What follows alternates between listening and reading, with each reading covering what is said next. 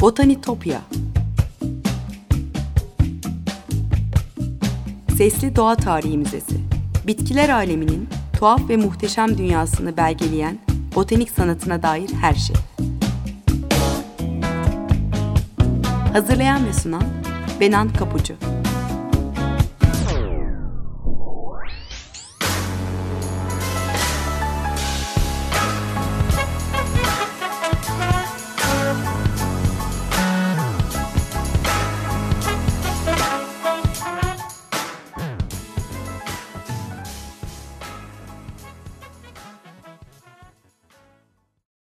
Merhaba sevgili Açık Radyo dinleyicileri. Botanitopya'ya, bitkiler aleminin tuhaf ve muhteşem dünyasına hoş geldiniz. Anlatıcınız ben Benan Kapıcı. botanitopya.gmail.com adresinden ve aynı adı Twitter ve Instagram hesaplarından bana her zaman ulaşabilirsiniz. Yorumlarınızı, görüşlerinizi paylaşabilirsiniz. E, programda değindiğim kimin konularının özetlerine ve görsellerine buradan ulaşabilirsiniz. Takipte kalırsanız çok mutlu olurum. Evet sevgili dinleyiciler, e, belki dinlemişsiniz de hatırlarsanız geçen programda e, Düzce Üniversitesi e, Orman Botaniği Ana Bilim e, Başkanı Profesör Doktor Necmi Aksoy'la e, botanik bahçelerin tarihçesini, nasıl bir kuruluş felsefeleri olduğunu, Doğu ve Batı arasındaki farkları e, konuşmuştuk. E, biraz e, şeyde bırakmıştık konuyu. Yani Lale'nin e, Prag üzerinden nasıl Hollanda'ya gittiği konusunda bırakmıştık. E, ve Lale çılgının oluşmasından söz etmiştik. Bugün e, biraz aslında bugüne doğru ve biraz daha geleceğe uzanalım istedim botanik bahçeleri konusunda. Çünkü geçen programda e, Necmi Hoca da anlatmıştı. Bizde botanik bahçesinin e, bir geleneği var aslında. Has bahçe kültürüne e, dayanan. E, biraz oradan geleceğe doğru uzanan bir botanik bahçesi felsefesini nasıl kurarız? E, ondan bahsedelim istiyorum.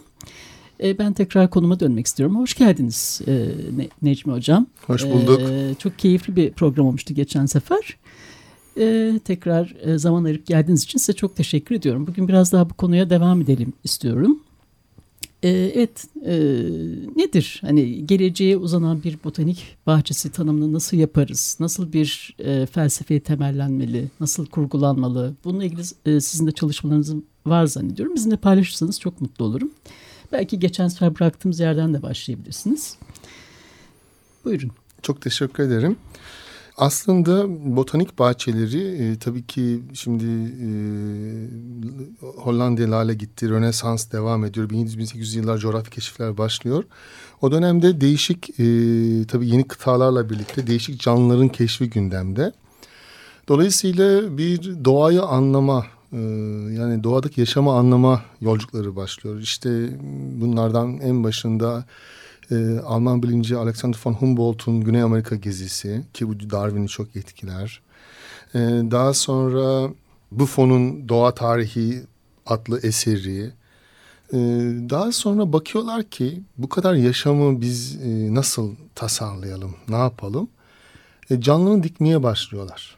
Yani sürekli doğa tarihi ve doğa tarihi müzelerine hem hayvan hem fosil hem jeolojik e, bulgular hem canlı materyaller ve dolayısıyla bu doğal tarih müzelerinin aslında öncüleri şeyler değil mi? Şu merak kabinleri diyorlar tabii ya. Ki, şu tabii ki. nadire kabineleri evet. diyorlar. Merak kabinleri diyorlar. O şeyden e, bu keşif yolculuklarındaki o keşiflerin evet. getirdiği şeyler, kurutulmuş bitkiler, işte fanustaki hayvanlar tabii vesaire. Ki. Aslında öncüleri bu değil tabii mi? Tabii ki.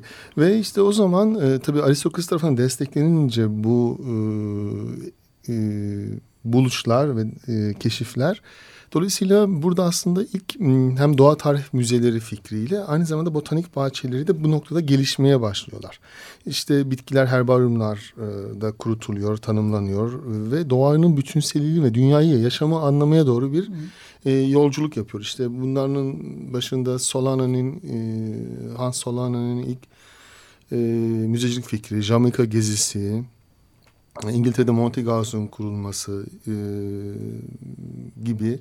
Daha sonra e, Joseph Banks'in e, e, meşhur koleksiyoncu koleksiyoncu e, yine e, Kaptan Cook'la yapmış olduğu Avustralya. çok önemli evet, Kaptan Avustra Cook'la evet, gezi, evet, gezi. Çok önemli ki zaten Banksiana diye bir e, ağaç ve çalı türüne ismi verilmiştir. Charles Darwin var mıydı? E, o gezide yoktu. Daha sonra e,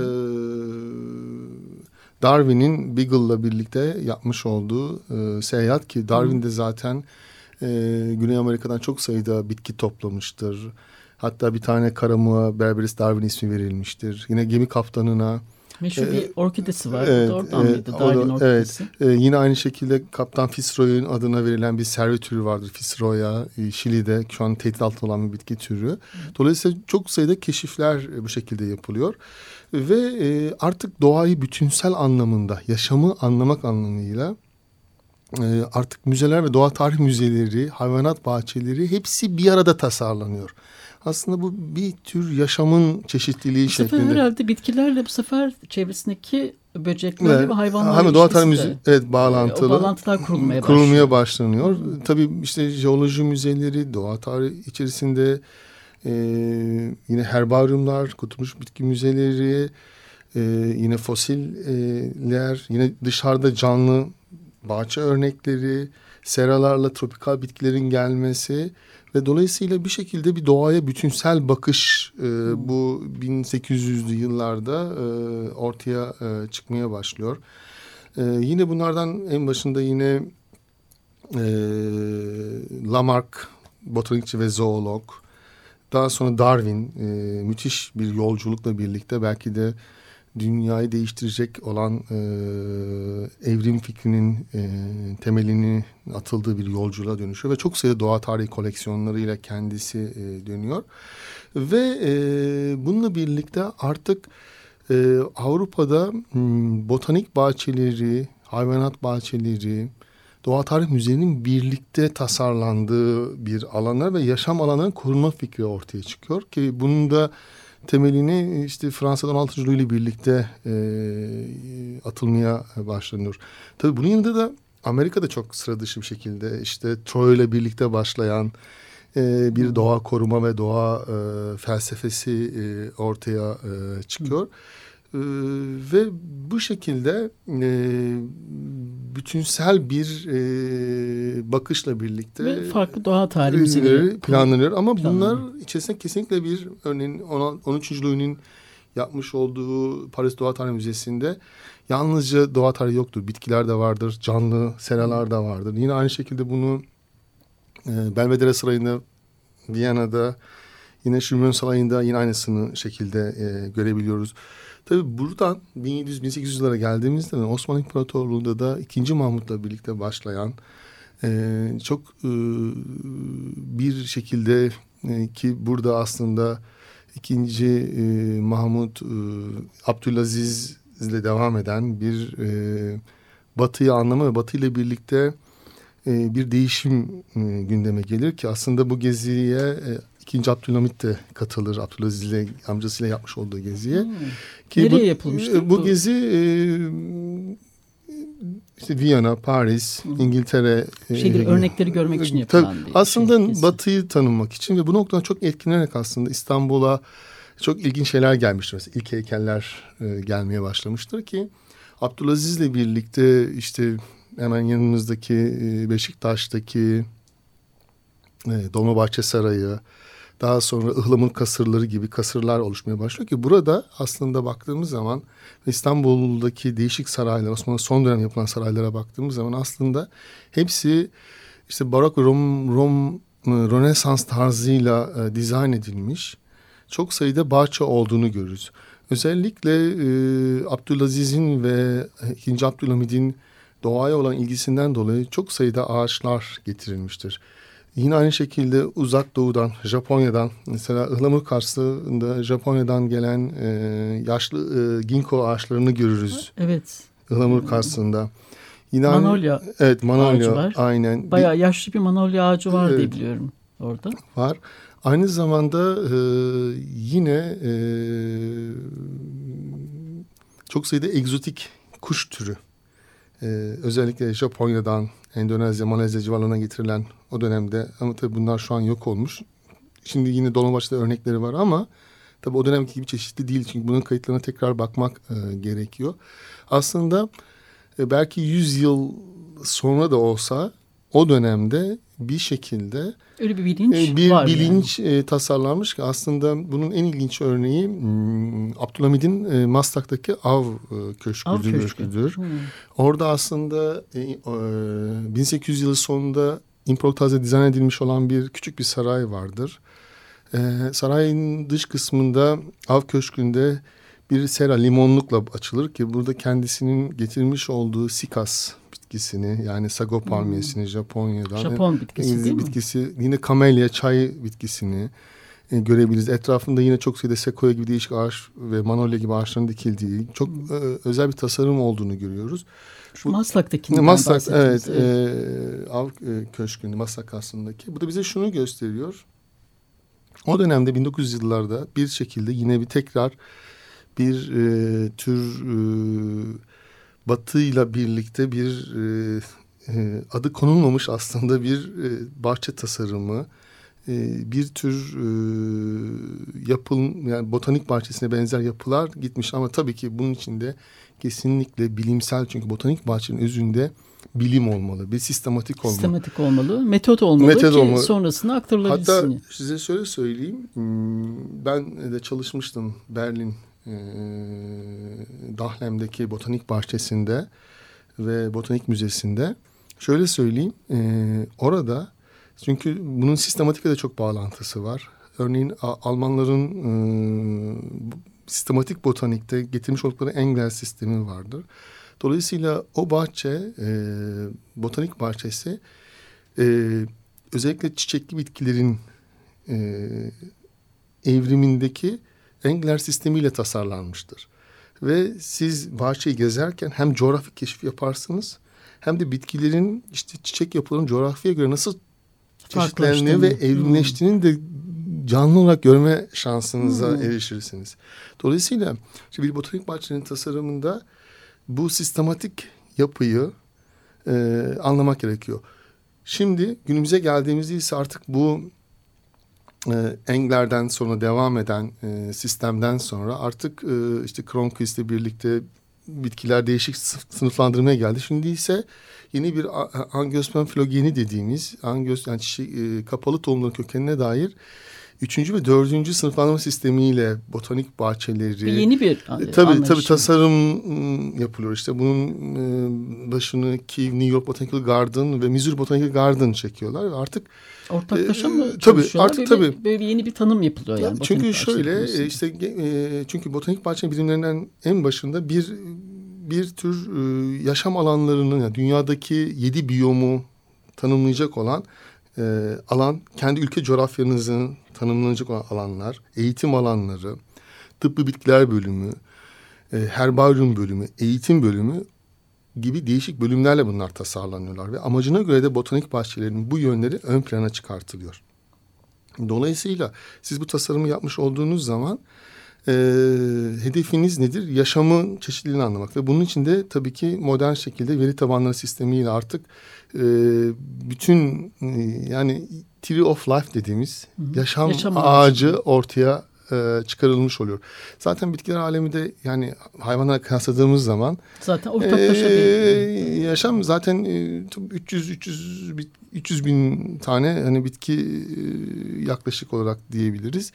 Dolayısıyla bunu anlamak e, için e, artık birlikte veri tabanları e, kuruluyor ki aslında 2000 yıllarda e, Kew Garden'ın Norveç'in altındaki e, buzdağının altına e, tasarlamış olduğu Millennium Seed Bank projesi. Bu çok çok Hı hı. çok çok çok çok önemlidir. Çünkü e, bütün Avrupa Birliği sınırları içerisindeki yok olmak üzere olan endemik bitkilerin tohumlarının e, saklandığı yerdir burası. Bu Londra'nın dışında bir yer vardı. Eden Project. Ya O- bu da bu şeyde mi? Bu kapsamda mı? Aslında- farklı bir konsept mi? Aslında Eden Project e, bence yani benim kişisel düşüncem Eden Project e, gibi diğer e, alanlara baktığımız zaman bunlar e, aslında e, belki de biraz daha hani e, futurist yapıdaki botanik bahçeleri ya da yaşam alanları. Çünkü bunlar biraz da biyosfer projesinin benzerleri gibi. e, farklı, iklim, farklı kuşakları. iklim kuşakları var ya da izole kendi iklimini e, tasarlayan e, en olumsuz alanlarda. Çünkü orası aslında bir tür e, maden ocağının üzerine kurulmuştur Eden Project'in tasarımı. Alanda değerlendirilmiş. Alanı değerlendirilmiş. Keşke bizde de öyle bir, öyle şey, bir olsa. şey olsa. Çünkü bu kadar açık maden işletmenin olduğu bir yerde düşünün siz de. E, çok harika olur. E, dolayısıyla bunların dizaynları e, en başta bir bo botanik bilimsel temele e, göre e, bu e, alanlar yapılıyor. Peki sizin hayaliniz nedir? Ben mi valla onu sorayım. Ee, Şimdi, değil mi? Yani mesela bizde nasıl bir e, yani neler e, yapılmalı bir botanik bahçesi için mevcut örnekleri iyi koruyabiliyor muyuz? Biraz da bu konulara girelim ve ben aslında bu konudaki hayalinizi merak ediyorum. Çok teşekkür, Geleceğe yönelik. çok teşekkür ederim e, bu sorunuz için. E, aslında botanik bahçeleri nasıl kurulmalı? Çok temel bir şekilde bitki koleksiyonu sergilendiği uygulamalı eğitimin yapıldığı alanlar, kendine özgü botanik tarih araştırmalarının yapıldığı, sergilendiği, doğa felsefesini yansıtan alanlardır. Şimdi bir ginkgosuz, bir sikasız botanik bahçesi olmaz. Bu kesinlikle bir... E, Kendi içinde kapalı bir sistemde olmaz. Yani bütün, bütün dünyadaki yaşamı bütün yaşamı, e, görmeli e, insanlar. Yani Ginkgo'dan nasıl Sikas'a bir evrimleşmeye, e, Sikas'tan nasıl e, kozalaklı bitkilere, kozalaklı bitkilerden nasıl deniz üzümüne, deniz üzümlerine nasıl manolyalara, manolyalara nasıl e, çift çelenkli bitkilerin dediğimiz işte üç petalli, beş petalli ba- demin bahsettiğiniz gibi şekilde bu bir dizaynı olmalı. Ve doğa felsefesinin devamını sergileyecek şekilde tasarlanmalı. İçerisinde doğa tarihini içermeli. Jeoloji, paleontoloji kesinlikle olmalı. Canlı bitki koleksiyonları olmalı. Herbaryum kesinlikle olmalı. Tohum bankası. Tohum bankası çok doğru söylüyorsunuz. Kesinlikle horticulture e, kesinlikle olmalı ve biyoloji merkezi ya da makro düzeyde biyopark şeklinde de tasarlanabilmeli. Aslında buradaki hedef doğaya bütünsel bakış. Yani aslında biz nasıl dünya Gaia hipotezi ise yaşayan bir makroorganizmaysa e, bir botanik bahçesi aslında yaşayan bir sistem içerisinde olduğunu gelen birey hissetmeli. Ve tabii gelişmeli değil mi? Tabii yani ki. böyle duran bir sistem de olmamalı. Aslında şey bilim geliştikçe yeni tabii, örnekler tabii, tabii, tabii, kesinlikle de, yani e, klasik olmamalı. Yani var olan geçmişte yapılan bir şey varsa o korunmalı. Dolayısıyla bitkinin dünyadaki yerini gösteren e, bir yine evolution galeri şeklinde yine e, içinde olmalı. Az önce de bahsetmiş olduğum yaşam formları işte çöl bitkilerinin step, tuzcul, dağ, göl, bataklık gibi o ülkenin e, doğal e, bitki florasını, Florasını, yansıtı, faunası yansıtan e, özellikler e, içermeli. Ama en önemlisi biyoçeşitlilik yani yaşamın çeşitliliğinin korunmasının ana felsefe olduğu e, Bu olmalı. açıdan önemli değil mi böyle bir botanik bahçesinin olması? Yani bizdeki yaşam çeşitliliğini, florayı çeşitliliğini, fauna çeşitliliğini korumak ve tabii bu, konuda bir farkındalık yaratmak, Kesinlikle. bilinç uyandırmak. En başta doğa bilincinin ve kültürünün. Çünkü doğada doğaya bakmak, doğayla e, iç içe olmak bir kültürdür.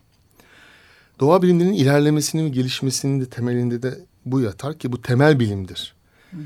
Düşünen, araştıran, eleştiren bireyler olmalı.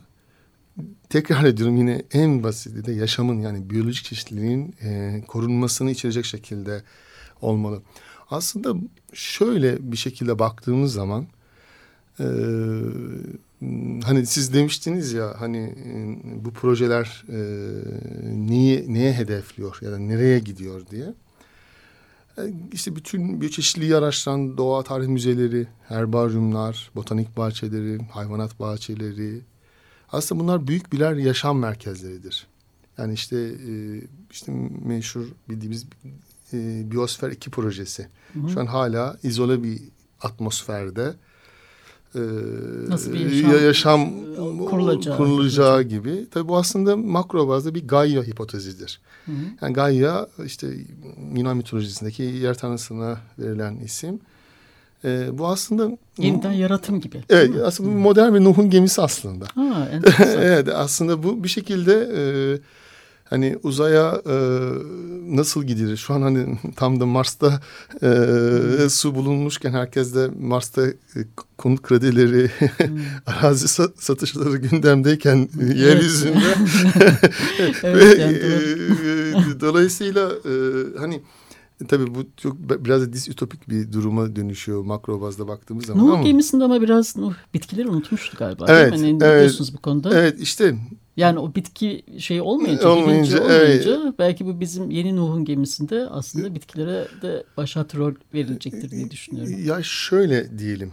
Ee, işte Millennium Seed Bank'in kurulması ki bizim ülkemizde de aslında Menemen'de bir tohum bankası, tarımsal tohum bankası var. Ama sorun şu, biz e, küresel iklim değişikliği, küresel iklim değişikliği sonucunda hangi canlıların ne kadar yok olacağını ve bunları gerçekten e, geleceğe nasıl taşıyacağımız üzerine makro planlar yapmak zorundayız. Şu anda iklim değişikliği kapımızda.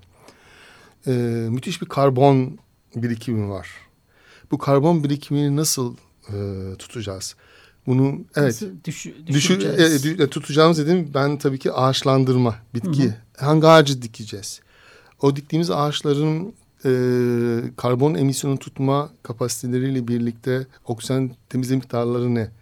Örneğin yani karbon ayak izimizi e, minimuma indirecek şekilde çok ağaçlardan yardım alacağız ve bunu evet, nasıl yapacağımızı. Eğer yeryüzünde canlıların türleşme hızı, canlılarının yok olma hızından düşük olmaya noktaya geldiği zaman biz zaten altıncı büyük kitlesel yok oluşa hazırız, hazırız demektir. İşte dolayısıyla botanik bahçeleri de bir, ne, bir nebzede doğadaki lokal endemik bitkilerden nokta endemik bitkilere kadar olan bitkilerin tohumlarının saklandığı, doğal alanları dışında bir alanda yetiştirdikleridir. Yaklaşık 11.700 tane bitki taksonunun yaşadığı dünyanın en sayılı bioçeşitlik zenginliklerinden birisinin olduğu bir ülkede ki evet çok, kaç e, önemli flora kuşak, kuşakların üç, üç, üç ana kuşağın etkisindeyiz. İşte kuzeyimizde Karadeniz, Ege ve Akdeniz kıyılarımızda Akdeniz iklimi, İç Anadolu, Doğu Anadolu'da step, Güneydoğu Anadolu'da çöl stebi, İç, İç Anadolu'da tam bize ait bozkır aslında yüksek dağ stebi. E, uygun yer değil mi burası ve, bunu yapmak ve, için? Ve aslında her bölgeye ve her ile her ilçeye bizim birer botanik bahçesi tasarlamamız gerekiyor. E, ve bunu yapmamızın hiçbir neden yok. E, elimizdeki hem doğal kaynak rezervleri, hem eğitim rezervleri, hem yetişmiş insan e, kaynakları olarak aslında diyorsunuz her ilde yani ee, o tabii ki, oranın koşullarına tabii, uygun, uygun botanik bahçeleri açılabilir, yapılabilir. Kesinlikle. Var olanları da korumalıyız. Tabii, kesinlikle. Çünkü onlarda da tabii sorunlar var biliyorsunuz. Ee, zaten e, sorun da bu zaten. İşte bütüncül bakışla birlikte biz bu kentlerin yaşam alanlarının nasıl dizayn edileceğini, biyoçeşit nasıl korunacağını bu şekilde de bir şekilde de e, sağlamış e, olacağız kanısındayız. E, dolayısıyla eğer bunu yapmazsak bir şekilde e, doğadan neyi kaybettiğimizi ve neyin yok olduğumuzda ölçme şansını e, yitirmiş olacağız. Evet Türkiye'de her 10-15 günde ya da iki haftada bir yeni bitki türü bulunuyor. Tamam biz sistematik botanikte bitki tanımlamada çok iyiyiz. Evet, Ama sonrasında ne yapıyoruz? Kaydediliyor. Yani tabii şimdi resmi Türkiye Florası evet. bir çalışma var. Siz de yani, içinde yer aldığınız evet. danışman olarak. Bu da önemli. İşte Türkçeleştiriliyor evet. yani bitkiler değil mi? O anlamda da önemli bir çalışma ve bu devamı da gelecek. E, Ama, tabii tabii. Evet. E, bunun bir de e, fiziki yani e, olarak mesela botanik bahçelerinde de bunu görebilmeyiz değil mi? Yani o, tabii ki. o, o onları çoğaltmalıyız farklı illerde. Kesinlikle. İşte sonuçta bu da şuna devam ediyor. Yani ulusal bir botanik bahçesi. Bunun dahilinde yine diğer botanik bahçeleri kurulmalı ve bu Uluslararası Botanik Bahçeleri Birliği'nin üyesi olmalı. Ve bununla birlikte makro mikro hedefler ölçeğinde tabii eğitim ve diğer konular olmak üzere e, var olmuş olan işte iklim değişikliği gibi diğer koşullara göre e, sorunlar çözmeliyiz. Sonuçta şunu söyleyeyim. Şu an e, biz çok sayıda e, bitki türünü çiçekli bitki türünü peyzaj anlamında kullandığımız olan süs bitkilerini ithal ediyoruz. Kendimizin bahçelerde üretmiş olduğumuz adını kültüvar varyetesi olarak Ki tanımladığım üretebiliriz. üretebiliriz. Evet. İşte en büyük ekonomik yine bunun yanında endüstriyel bitkiler üretebiliriz, şifa bitkiler üretebiliriz. İşte bu noktada Evet biz bence e, bu programdaki mesajımız da bu olsun Evet. değil mi? Geleceğimiz açısından e, aslında çok önemli olduğuna dair ve bu hayalinizi tekrar ben e, son cümleyle özetlemenizi rica ediyorum. işte biz bu nedenle e, en basitinden somut bir örnek olarak Düzce Üniversitesi'nde e, süs ve tıp bitkileri üzerine bir araştırma merkezi kurarak bunun hedef alan bir botanik bahçesi e, tasarlamaya başladık. Umarım mm, bu somut olarak en Batı Karadeniz bölgesi için en azından Avrupa Sibirya flora alanı içinde bir e, örnek olacağı kanısındayız. Bunun gibi bir e, şekilde bunu geliştirerek bütün ülkeye ve yine mm, hem Balkan hem Akdeniz hem Orta Doğu ve e, Doğu coğrafyasıyla e, bir mm, bağlantı kurarak e, tasarlamamız gerektiği kanısındayım. Harika umarım bunu gerçekleştirebiliriz. Çok teşekkürler verdiğiniz e, bu bilgiler için, e, konuğum olduğunuz için. E, Düzce Üniversitesi Orman Botaniği A- Ana Bilim Başkanı Profesör Doktor Necmi Aksoy'la konuştuk. Çok teşekkürler. Çok güzel bir program Ben oldu. Gene ederim. zaman su gibi aktı geçti.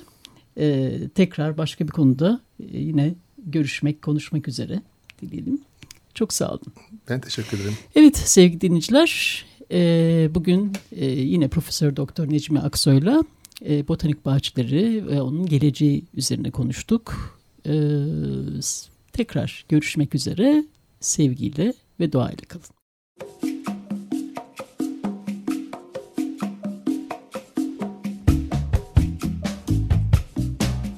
Botanitopya Sesli Doğa Tarihi Müzesi Bitkiler aleminin tuhaf ve muhteşem dünyasını belgeleyen botanik sanatına dair her şey. Hazırlayan ve sunan Benan Kapucu